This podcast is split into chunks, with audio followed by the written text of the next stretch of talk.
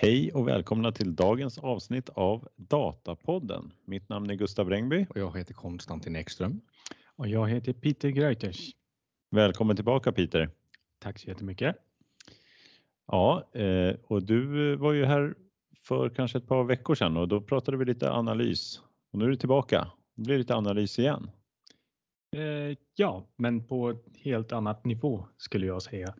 Förra gången var det Databricks och hur man kan jobba med Databricks och så. Men uh, idag ska vi prata om, vad är det Konstantin? AI.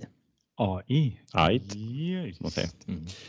Okej, okay, men uh, ni får hålla er lite grann kära lyssnare. Det ska bli väldigt spännande här. Uh, men vi börjar med lite mer handfast här kring Power BI. Så det blir första nyheten här. Då. Då har vi från eh, powerbi.com så har det kommit en nyhet här i veckan. Eh, announcing connected Excel tables from Power BI. Inom parentes public preview.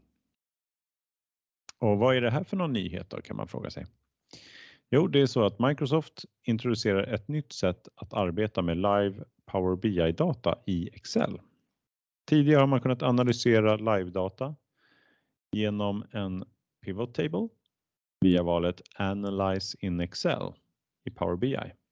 Så man har liksom klickat sig fram till Analyze in Excel så får man upp så man kan göra Power BI eller Power eh, Pivot Table rapporter då eller pivot rapporter då i eh, Excel.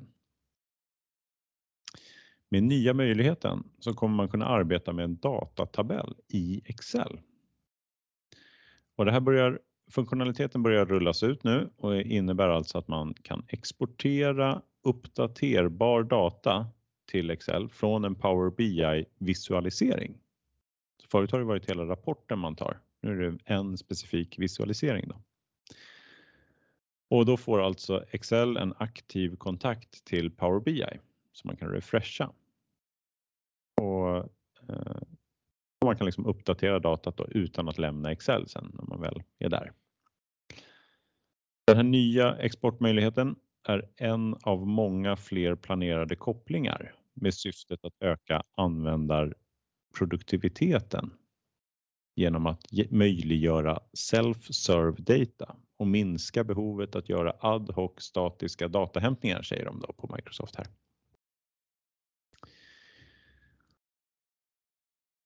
Ja, hur gör man då? Ja, man kan gå till en rapport som man har på powerbi.com Välj vilken visualisering som helst och tryck More options uppe till höger på den visualiseringen, till exempel ett diagram eller vad det nu kan vara. Så väljer man Export Data. Här får man ett nytt val då. Först får man ju då, först väljer man typen Summarized Data och då under File Format så finns det ett nytt val egentligen som heter då Excel with live connection. Så man liksom, eh, då får man hem datat med en, eh, med en live connection. Då. Eh, så det kommer laddas ner, liksom, så man får ladda ner den. Då. För att man ska få ha detta val, det är inte alla som får det, utan man måste ha bildrättighet på rapporten. Men man laddar ner då en Excel och så får man upp den och så måste man trycka Enable Content säger de och då får man liksom en uppdaterad tabell med data i. Då. Excelen som man får hem är två flikar. Det är både en med export headers och så en med datat då. så då kan man titta i den här export headers och förstå vilken typ av data det är som man har laddat hem och lite så här filtreringsuppgifter också. Mm. Så den här kan man sedan dela. Excelen kan man skicka till någon annan om man nu har gjort så enable content så kommer de alltid få den där datatabellen, en död datatabell. Men om de också har bildrättigheter till eh, Power BI, samma rapport, då kan de också refresha sen då. Genom att högerklicka och så har man, jag tror man har uppdaterad data då på tabellen. De har också ökat här då i och med den här eh, möjligheten då. Tidigare så kunde man göra en sån här export data från Power BI, men då fick man högst 150 000 rader statiskt då. Nu är det 500 000 rader med den här live connection. Så det är lite mer data också som man kan ladda hem på en gång. Den finns både i Excel Desktop och i webbvarianten av Excel. Eh, enda liksom där det inte finns eh, möjligt att använda det här det är när man har en som använder live connection mot en tabulär modell i analysis services eller ja, från SQL Server eller från eh, liksom molnvarianten av den här eh, analysis services. Då har man inte den här möjligheten att, att komma åt datat på det här sättet. Då. Mm. Tror ni det här kommer bli populärt? Eh, man, man laddar ner då en fil som innehåller den här tabellen med Live Connection. Mm. Om jag nu som, sitter som analytiker med en Excel där jag vill ha lite olika. Jag vill liksom ha lite olika flikar med de här tabellerna. Kan man då inkorporera allt det här i samma Excel eller måste jag öppna varje enskild Excel som innehåller den här connectionen? Det är en bra fråga. Det förtäljer inte artikeln. Jag vet inte, kanske att det går att copy-pasta in det så att man samlar allting i en Excel, men det, du har ju inte i själva funktionen så går ju inte det. Så att jag, nu spekulerar jag bara. Mm. Eh, det borde ju gå kan man tycka, för det borde bara bli en vanlig connection i. Och så någon liten SQL bakom som plockar ihop det som Ja. visas i. Kanske, Mm. kanske att det går att kopiera över. Men annars. För det tänker jag annars man gärna vill ha, att man Precis. kunna Ja. få ihop det i en. Så att det, annars blir det ju som att öppna flera olika tabeller ändå. Ja, ja absolut. Ja, det, det, kanske att det är en begränsning att man får leva med det där så Mm. länge. Alltså, förut så det, det där har ju gått att göra liksom direkt mot en databas också så kan man hämta en tabell så där. Mm. Då kunde man ju göra i, i, liksom, i samma Excel. Mm. Så frågan är om det går att göra åt det hållet istället, att man börjar från Excel och, och bara skapar en connection till en sån där. Eller, ja, ja det man får nästan testa och se fram där lite grann och se. Mm. Men det är ju helt klart begränsande annars. Mm. Men jag tycker ändå eh, varför man tar upp det här, det är ju en, ändå ett eh, väldigt intressant del här, för alla vill ju liksom processa vidare data. Mm. Man vill ha den här funktionaliteten överallt Mm. när man Det- ska planera och så vidare. Och det visar också att eh, Microsoft satsar fortfarande på Excel. Mm. Det är fortfarande en flaggs, uh, flaggskepp eh, applikation för Microsoft. Eh, Mm. Och det finns så himla mycket folk som, eh, som jobbar också med Excel. Så det, det är kul att se att Microsoft integrerar sina appar eh, med varandra. Mm. Ja, verkligen. Mm. Vem tror ni den här kan användas av då? Är det controllers som kommer eh, vara lyckliga här? Affärsanalytiker? Det är egentligen alla som vill ha lite mer detaljer. Men vilka detaljer är det som man får? Om man har en är det liksom underliggande datat för att skapa den här eh, diagrammet eller så om du har bara ett KPI. Liksom, Mm. Du visar en siffra. Får du då all data med alla dimensioner du har filtrerat på och så där underliggande? Eller blir det, får du bara ut den här siffran bara rakt upp och ner? Nej, jag tror det är liksom, du får ju, den heter ju Summarize Table, men du får ju ut, om du testar, om du har testat att göra en sån export bara statiskt, jag tror det är samma typ av data. okej. Mm. Så det är ju liksom detaljdata under. Ja, Du får det. inte bara liksom eh, den exakta liksom, siffran så där, summerad. Nej, utan- utan man får det som man Jag annars tror- får använda. man Ja, men jag tror att man får Ja. liksom lite detaljdata. Nej, men då Mm. finns det ju absolut användningsområde att man Ja. liksom, ja, förstår det lite mer Ja, genom att bara se själva datat utan att behöva klicka nej igenom och det kanske inte alltid går att det är byggt så att man kan drilla sig ner eller klicka ner för att förstå. Den kanske är lite summerad då om du har flera rader misstänker jag i, Mm. liksom som har exakt samma dimensionsattribut så kanske den bara blir en rad där som är summerad. Jag vet Ja, inte. precis. Men det Mm. finns nog i alla fall. Det är inte bara liksom, ja men jag har tagit fram en karta över sälj 2022 och 2023. Mm. Det blir inte två rader liksom, Nej, utan jag tror det precis. blir fler. Mm. Men det är en live connection. Så det betyder om du uppdaterar data i din Excel-fil så går det vidare till Power BI. Vilket, eller har jag missförstått det? Det är tvärtom va? Ja, precis. Du, det är tvärtom alltså. Du, du får ju, Det är inga, det är inga dubbel connection. nej, det är inte, du kan, det är inte right back sådär som, eh, som man kan, eh, utan bara refresha i Excel. Okej, ja, men ändå. Nu, nu tycker jag att det känns som den här äh, nyheten var mycket tråkigare än Det där hade varit ringer ännu right back coolare, för. liksom. Peter, du, du sänkte hela nyheten här. Ja, men eh, vad tror ni? Alltså, Har konkurrenterna något liknande? Det är väl kanske en styrka med Power BI, va? ja, Eh, Klick och tablå har väl inte? inte det hållet. Nej, Att få tillgång till underliggande data, alltså basdatamodellen, ja, men Mm. det kan vi få på många olika sätt också. mm. Men eh, det här tror jag ändå är unikt. ja. Man säga. Mm. Nej, jag, jag tror ju själv skulle jag nog nästan alltid välja om jag nu behöver data till Excel så skulle jag använda och göra en sån pivot-rapport istället. Den som har funnits från förut, för då finns det ju fler möjligheter. Det Mm. finns ju mycket att göra där också. Mm. Man kan göra om Alltså, å andra det till... sidan ibland så vill man ju, om man bara har det där KPI Ja, och vill veta. jag vill återskapa det där, men utan att. Det, det kanske går det ganska lätt att bara se vad det är för någonting. Men då får man då lite mer så här, okej, det är de här dimensionerna som har byggt upp det och jag har fått det filtrerat på Mm. det här. Ja, men då, då, då förstår man det utan Mm. att behöva gå via, kanske gå och fråga en utvecklare och sådär och se bakomliggande koden. ja precis. Och det, det kan ju vara lite enklare. Just Mm. det där att bara få ut sina, se sin data. Man är van vid Excel. Mm. Pivot-rapporter är Ja. svårare ändå.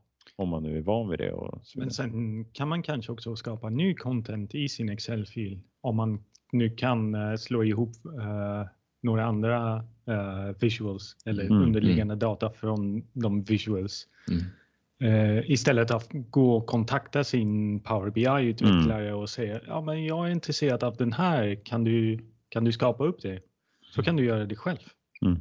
Ja, det är väldigt trevligt. Mm. Ja, precis. Och det, man möter liksom användaren på användarens eh, nivå så att det Mm. inte måste vara att de måste lära sig nya grejer utan man kan köra på liksom. Det är väl superkul. Mm.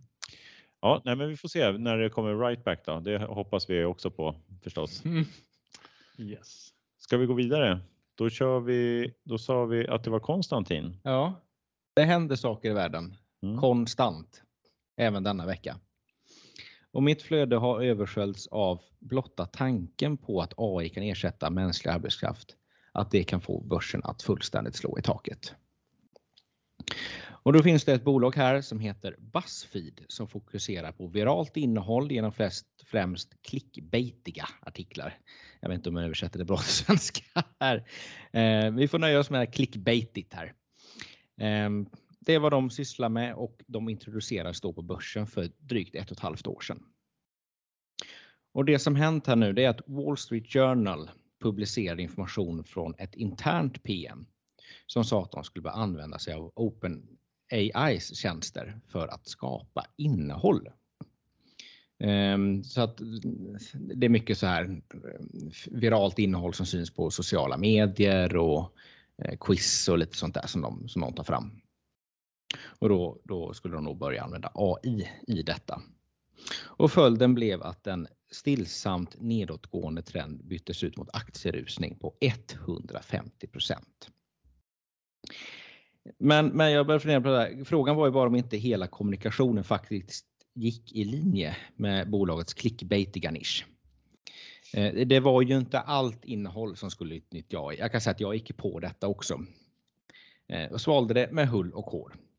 Eh, för det visade sig att det endast var Buzzfeeds online-quiz som skulle använda AI. I vilket fall nu till att börja med, men det var det som, som gällde nu då. Och Computer Swedens chefredaktör Marcus Jerring kommenterar att genombrottet för AI ger upphov till en hel del galenskaper. Eh, och detta drivs av lika delar ohämmad teknikoptimism och andra sidan rena undergångsprofetier menar han. Och på Twitter så kommenterar någon att AI-bubblan drivs av villfarelsen att företag kan bestå av endast chefer och aktieägare utan arbetare. Det är ganska brutalt. Hårda. Ja. Eh, men en spaning här får ju då att mycket av fokuset just nu ligger i att testa gränserna för AI och gärna att man gör detta i termer av yrken som kan ersättas. Och kon- ehm, exempel då är ju då eh, contentskapande yrkeskategorier. som ligger ganska nära till hands. Online-innehåll åt företag såsom bloggartiklar och inlägg på sociala medier. Och här så drivs och denna typ av material, den drivs mycket av att man, man vill driva trafik till en hemsida eller liknande. Och då är det och då fokuserar innehållet till stor del på att fånga först vanliga frågorna och sen så lägga en liten touch av någonting nytt så man, man får med sig någonting då. Och det kan ju i högre grad automatiseras, vilket också vi såg genom händelsen med Buzzfeed, att detta är något som marknaden ändå kan förvänta sig är fullt rimligt inom en ganska snar framtid. Även om det inte var så de skulle göra nu då, så, så finns det ändå en förväntan att, eh, att detta inte är något märkligt att, att göra. Eh, ett annat exempel är en studie gjord av en professor på Wharton som undersökte om GPT-3 kunde klara slutprovet på deras MBA, Master of Business Administration. Ja, här var det resultatet. Det blev betyget B. Det är ganska högt. Det är, alltså, det är, det är, det är riktigt bra. Liksom. Men, men uppfinningsrikedomen är det absolut ingen brist på. Och det är inte alltid att det når hela vägen fram. Och ett uppmärksammat exempel här är att AI skulle ersätta jurister i rätten ganska nyligen. Och det har varit ett New York-baserat företag som heter Do Not Pay. Och de försökte att med hjälp av AI då ta hand om överklaganden av trafikböter genom att, eh, att använda AI. Då. Och det var tänkt att fungera som så att den åtalen skulle få bära på smarta, ett smart headset som registrerar allting Eh, jag tror faktiskt till och med stod smart glasses i ehm, artikeln. Då. då skulle de bära den här rätten. Så de registreras allt som hände och sen skulle då eh, AN då diktera svaren med hjälp av bland annat OpenChat och DaVinci. Det, det blev ingen riktigt vidare succé det här. Det, det är, så här, det är lite för bra för att vara sant. Eh, för det slutade med om hot och fängelse för oauktoriserade utövare av lagen. Och det har utvecklats i en riktig soppa. Eh, helt enkelt. Men hur som helst så storsatsar IT-jättarna på AI. Eh, så jag, får helt enkelt avsluta med att fortsättning följer. Det är sant. Eh, jag kan eh, fortsätta på en gång. Och då vill jag prata om en artikel från Business Insider. Och det spelar på Googles rädslan ska jag säga för AI och framförallt ChatGPT. Uh, artikel uh, titlat Googles big fear is AI running wild. After ChatGPT it's too late. Lite dramatisk titel det här. Men... Uh, um, vad... klick, lite clickbait va? Lite clickbait. uh, sakerna som, eh, som vi kan ta med från artikeln är att Googles chefer varnar för att oansvarig släppande av AI-verktyg kan vara en fara för eh, både AI-utveckling och för världen. Eh, och det kommer att eh, eh Google kom med den nyheten efter då OpenAI släppte sin eh, chatbot ChatGPT i november. Eh, och det ligger såklart i eh, Googles ekonomiska intresse att presentera sig själv som en ansvarig väktare av AI. Eh, så inlägget de skickade ut till världen eh, är då täckat av politiska och ekonomiska uh, intresse som, eh, som jag sa. Och eh, de varnar typ om att ChatGPT kan bli eh, en stor spelare i allt möjligt. Och man kan även använda den för att göra onda saker. det kan handla om lite fusk, att man försöker klara en tenta och ha ChatGPT bredvid sig Um, eller att klara en intervju väldigt, väldigt bra. Uh, även om man inte riktigt vet vad uh, man talar om. Um, men det kan också gå riktigt uh, illa ut om man uh, nu skulle använda ChatGPT för att uh, orkestrera en uh, cyberattack kanske. Eh, man kan gå efter eh, en land, ett land och släcka ner deras eh, elförsörjning eller så. Och det är lite skrämmande. Men som sagt, OpenAI säger att de har stängt av alla onda grejer man kan göra med ChatGPT. Eller ChatGPT. Um, ja, så det är mycket snack från, eh, från Google och eh, att, att de ska profilera sig som den som eh, skapar upp AI i ett bra sammansätt. Vi är bäst eh, för att se till att man använder AI etiskt och inte för dåliga saker. Eh, och du kan lita på kvalitet också av de sakerna Google släpper då. Um, det är kanske mest i deras intresse att, uh, intresse att säga så. Eh, men den sak man måste ge Google är att det finns någon sanning i det. För om konkurrenter till Google börjar släppa AI-teknologi eh, för tidigt så kanske ska det skrämma bort folk att använda det. Och så kan man missa hela AI förbättringen som, som, som man kan eh, använda AI för, för att göra livet enklare, livet bättre, hjälpa folk eh, på, ett, eh, eh, på ett bra sätt.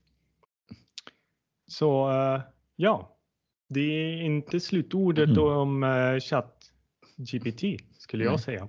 Jag tänker bara på, på hela bakgrunden till det här meddelandet är att faktum att Google kanske bara är lite bittra på Microsoft egentligen, att de hann före med det här.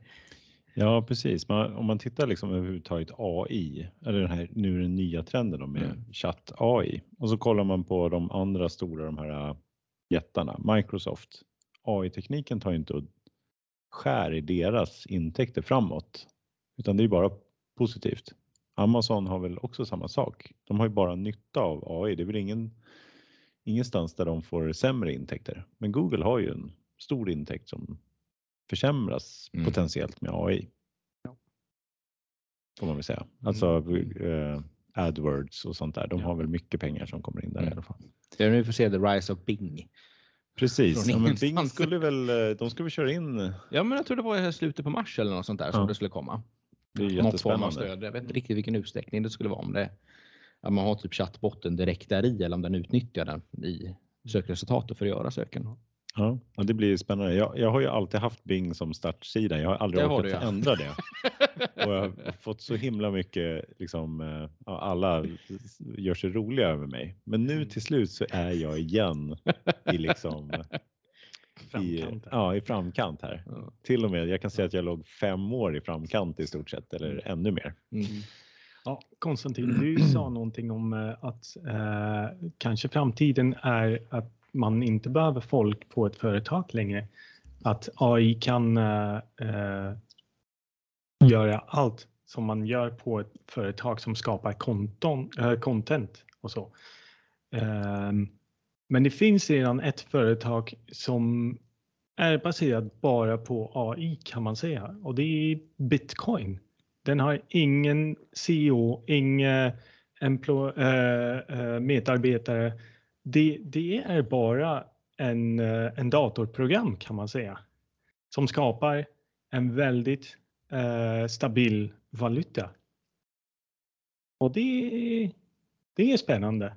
Mm. Att man Men kan... vad är AI i det? Är inte det mer av en kalkyleringskapacitet som Ja, men AI skapar typ om man om man har frågor typ eh, om man eh, vad var det nu? Jag tror att man kan Eh, få information ut från just bit, uh, Bitcoins föret okay. företag. Mm. Oh, ja. Och det är styrt av AI. Mm. Så allt, allt administrativa som kommer med ett företag kan man säga. Såg någon liten karta över liksom vad konkurrenter till OpenAI som är också på väg då. Så det finns ett par stycken som, eh, som också ska ge sig in i den här branschen då.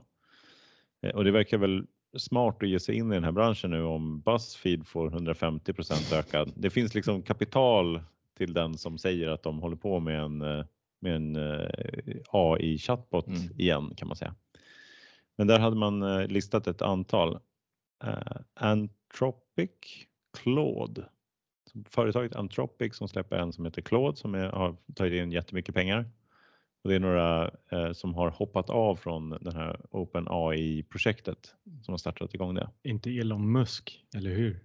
Jag tror Elon Musk var ju med i början på OpenAI. Men hon, han hoppade av. Ja, så... precis. Men jag tror inte att han är, det är nog inte i den här i alla fall. Sen så har vi en DeepMind mm. och Sparrow som är deras chattversion och det är väl mm. eh, stött av Google. Mm. Och sen så finns det Google Lambda också. Och det var den här som i somras, eh, det var, no, det var mycket prat om den för att det var någon som påstod att den hade fått ett eget tänkande då som blev sparkad va, från Google. Mm.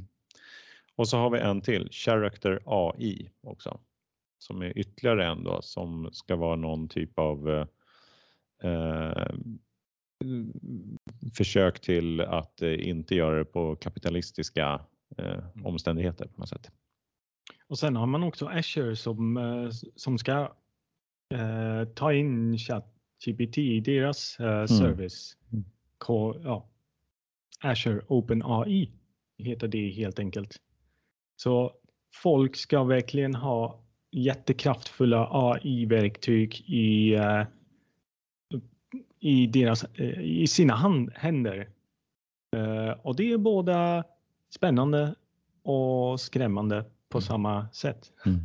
Ja, det är lustigt, hela den här håsen runt AI höll ju nästan på att dö bort här. Mm. Det kom ju en enorm våg av att AI kunde göra allt i och med att man började titta på självkörande bilar. Det var kanske ett par år tillbaka och sen så tror jag vi har fallit tillbaka i våran bransch har vi fallit tillbaka till okej, okay, men vi behöver visst data är fortfarande fokus för mm. vi har inte bra kvalitetsdata för att utnyttja AI. Men nu eh, känns det som nu kommer det nog vara tillbaka så att AI blir och då är det ju i den här formen då. Mm. Ja. Eh, text då. Eh, förut var det ju väldigt mycket drivet av att man la upp saker i molnet och då kunde man använda deep learning algoritmer för kanske också bildbehandling och så vidare. Men nu är det nästa nivå, då är det fortfarande molnet tror jag eftersom du mm. kan inte köra den här själv kanske. In, inte, bara, inte bara att uh, göra bilderkänning.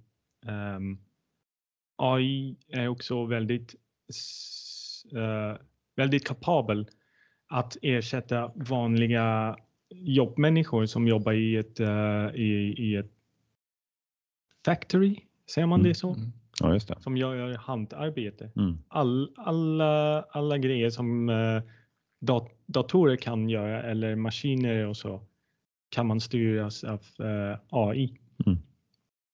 Eh, men jag tror att det kommer tillbaka. AI tappade väldigt mycket ansikten när Elon Musk och sin Tesla började uh, få um, bilolyckor. Mm. Mm. Självdrivande bilar. Ja, och, och sen överhuvudtaget, överhuvudtaget att det har inte blivit så. Jag tror många tänkte att nu är det bara två år kvar. Och det är ingen som har lyckats få till det där med självkörande bilar så att det går i produktion ännu. Nej. Och nu ja, pratar man mycket olika längre nivåer. Jag tror man brukar tala om att det är, jag tror det är fem nivåer på autonoma. Liksom nivå 0 det är liksom ingenting och sen mm. så är det lite sån här lane assistance och sådär. Så jag tror, jag läste jag tror det var Mercedes som skulle få eh, kunna börja med nivå 3 nu i ja. någon eh, amerikansk delstat. Men det är ju först i nivå 5 som det är den här. Alltså då helt kan man eh, ta bort ja, men då liksom, chaufförerna. Liksom. Ja, men mm. precis. Då, då kör den dig till jobbet och sen ja. så hej då och sen åker den iväg och ställer ja. sina parkeringshus 10 minuter bort och sen hämtar upp dig. Mm. Ja, eh, jag hörde en del har ju kopplat det här till att eh, teknikjättarna har också eh, dragit bort människor från eh, ja, man har haft en liten våg här av, vi pratade om det förra veckan tror jag också, mm. 10 000 från Microsoft och liknande från från Amazon och så vidare. Då såg jag en analys av de här som har slutat då. Kanske inte stämmer helt jättebra med AI eller jag vet inte, men det var mycket HR-folk. Mer HR-folk än eh, någon annan typ Mm. som har fått gå från de här stora jättarna. Då. Eh, och det kan väl kanske hänga ihop med eh, antingen då att man ska automatisera med AI, Mm. men det fanns kanske en annan förklaring också att man kanske inte kommer ha lika högt tryck på rekrytering nästa år också. Mm. HR är också jätt, eh, eh, lätt ersatt av AI. För det är mest, det handlar om text och interpretation och ehm, att, eh, vad säger man, eh, konversera med folk. Mm. Och där ligger en väldigt eh, stor styrka i AI. Med att det finns så himla mycket skriven och eh, audiokällor ute på internet. Ja, och det är mycket sådana här system, onboarding-system som har kommit och som automatiserar mycket av arbetet. Kanske Mm. inte bara AI utan mer bara eh, automatisering av den typen av administrativa processer Mm. tror jag. Rekrytering också. Mm. Men det är väl generellt också på administration att det är det de har skurit ner. De har Ja, inte skurit ner liksom på utvecklingen. nej på liksom precis. Ja. Det var nog Amazon som hade, de hade nog mycket ändå ingenjörer, men de andra handlade Mm. mycket om HR. Men eh, ja, som sagt, eh, Amazon, vad var det? Hur Det många var du att en det och en var? halv miljon, mil, miljon människor Ja. som arbetar, så det är fortfarande väldigt Det är ganska försvinnande del Ja. i sammanhanget. Mm, ja, väldigt intressant här med, med vi får se här vad, vad, vad som kommer hända då. Mm. Snart är det AI-datapodden. Då får vi alla hänga upp hatten och sitta tillbaka. Precis, Vi får byta namn från Datapodden till AI-podd. Peter sitter här och läser från vad ChatGPT säger att han ska säga. Yes. så ska det gå. Ja.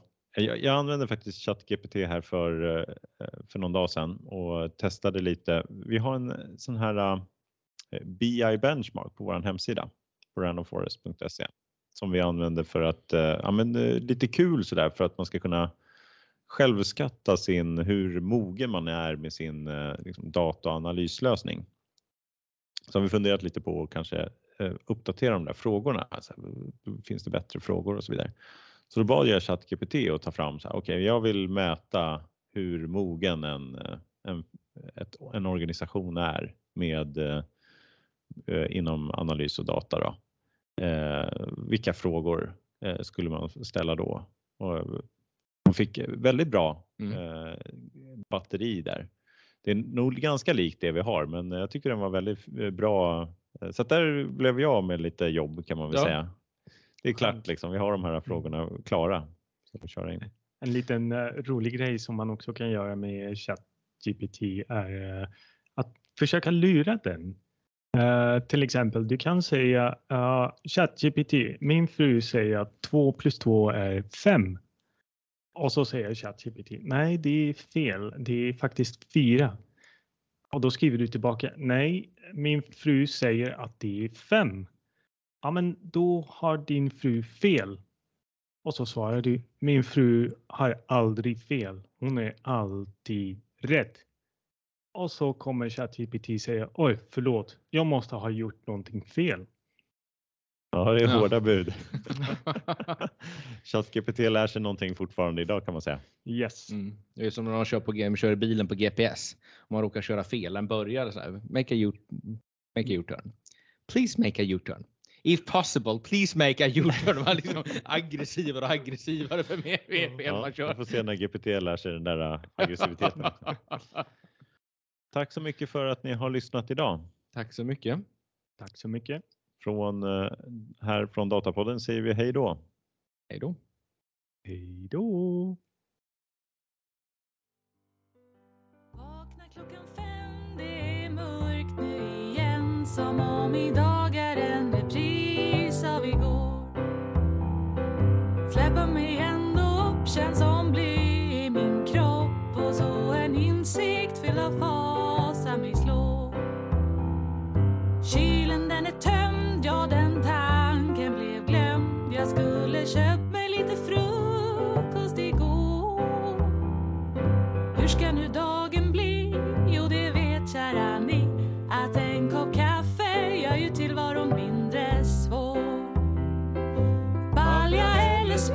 speak.